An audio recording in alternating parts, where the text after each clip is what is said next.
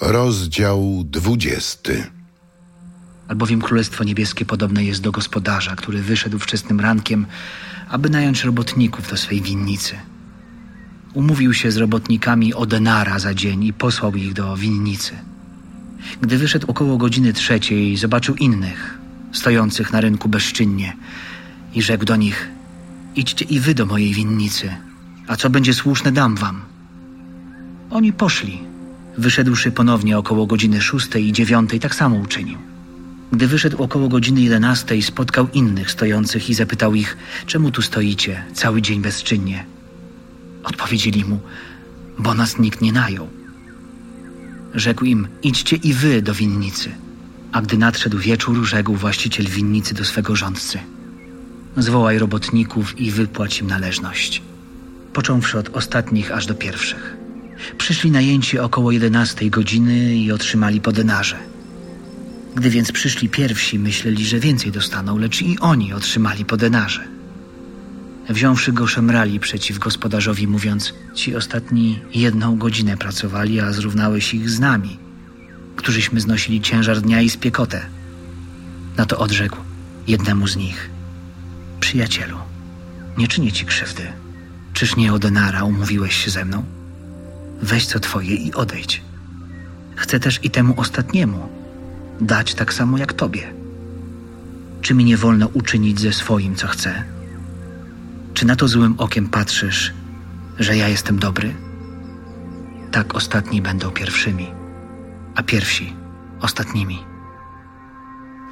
Udając się do Jerozolimy, Jezus wziął osobno dwunastu i w drodze rzekł do nich: Oto idziemy do Jerozolimy, a tam syn człowieczy zostanie wydany arcykapłanom i uczonym w piśmie. Oni skażą go na śmierć i wydadzą go poganom, aby został wyszydzony, ubiczowany i ukrzyżowany, a trzeciego dnia zmartwychwstanie. Wtedy podeszła do niego matka synów Zebedeusza ze swoimi synami i oddawszy mu pokłon, o coś go prosiła. On ją zapytał. Czego pragniesz? Powiedz, żeby ci dwaj moi synowie zasiedli w twoim królestwie. Jeden po prawej, a drugi po lewej twej stronie. Nie wiecie o co prosicie. Czy możecie pić kielich, który ja mam pić? Odpowiedzieli mu. Możemy. Kielich mój wprawdzie pić będziecie. Nie do mnie jednak należy dać miejsce po mojej stronie prawej i lewej. Ale dostanie się ono tym, dla których mój ojciec je przygotował. Gdy usłyszało to dziesięciu pozostałych, oburzyli się na tych dwóch braci. Lecz Jezus przywołał ich do siebie i rzekł. Wiecie, że władcy narodów uciskają je, a wielcy dają im odczuć swą władzę. Nie tak będzie u was. Lecz kto by między wami chciał stać się wielkim, niech będzie waszym sługą. A kto by chciał być pierwszy między wami, niech będzie niewolnikiem waszym. Tak jak syn człowieczy, który nie przyszedł, aby mu służono, lecz aby służyć i dać swoje życie jako okup za wielu.